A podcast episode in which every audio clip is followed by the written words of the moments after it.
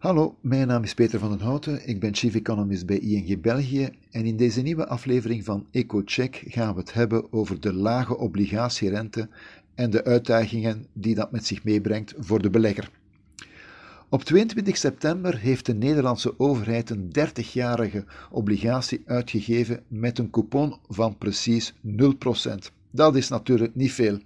Het is wel zo dat de terugbetalingsprijs lichtjes boven de uitgifteprijs ligt en, en, daardoor realiseert men nog altijd een positief rendement, maar ook dat bedraagt maar 0,028%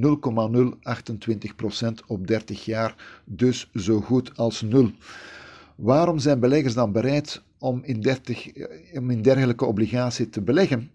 Wel, het zijn vooral professionele beleggers die geconfronteerd worden met negatieve rentevoeten op korte termijn en die een, een, veilige belegging zoeken. Het is bovendien ook zo dat men verwacht dat die negatieve rente op korte termijn dat die nog een hele tijd zal aanhouden en daarom stelt men zich tevreden met die 0% coupon op 30 jaar.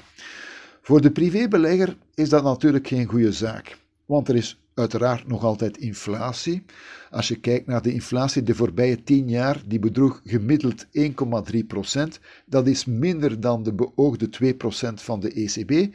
Maar als we er nu eens vanuit zouden gaan dat die 1,3% ook voor de komende 30 jaar zou gelden, dan is binnen 30 jaar het prijspeil bijna 50% hoger dan vandaag.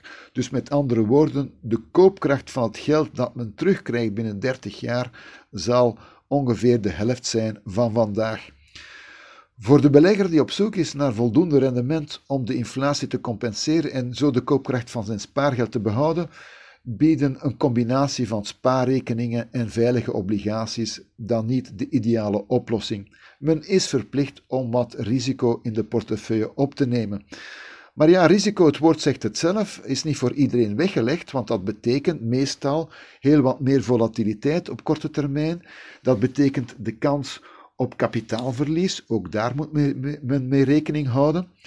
Men kan dat wel wat proberen te verminderen door op langere termijn te beleggen. Als men een lange termijn horizon heeft, ja, dan wordt die korte termijn volatiliteit sowieso weggevaagd op die lange termijn en neemt ook het risico op kapitaalverlies af. Maar goed, u hoort het al, er zijn geen mirakeloplossingen in de huidige renteomgeving. Jammer genoeg, dit was het voor vandaag en graag tot een volgende keer.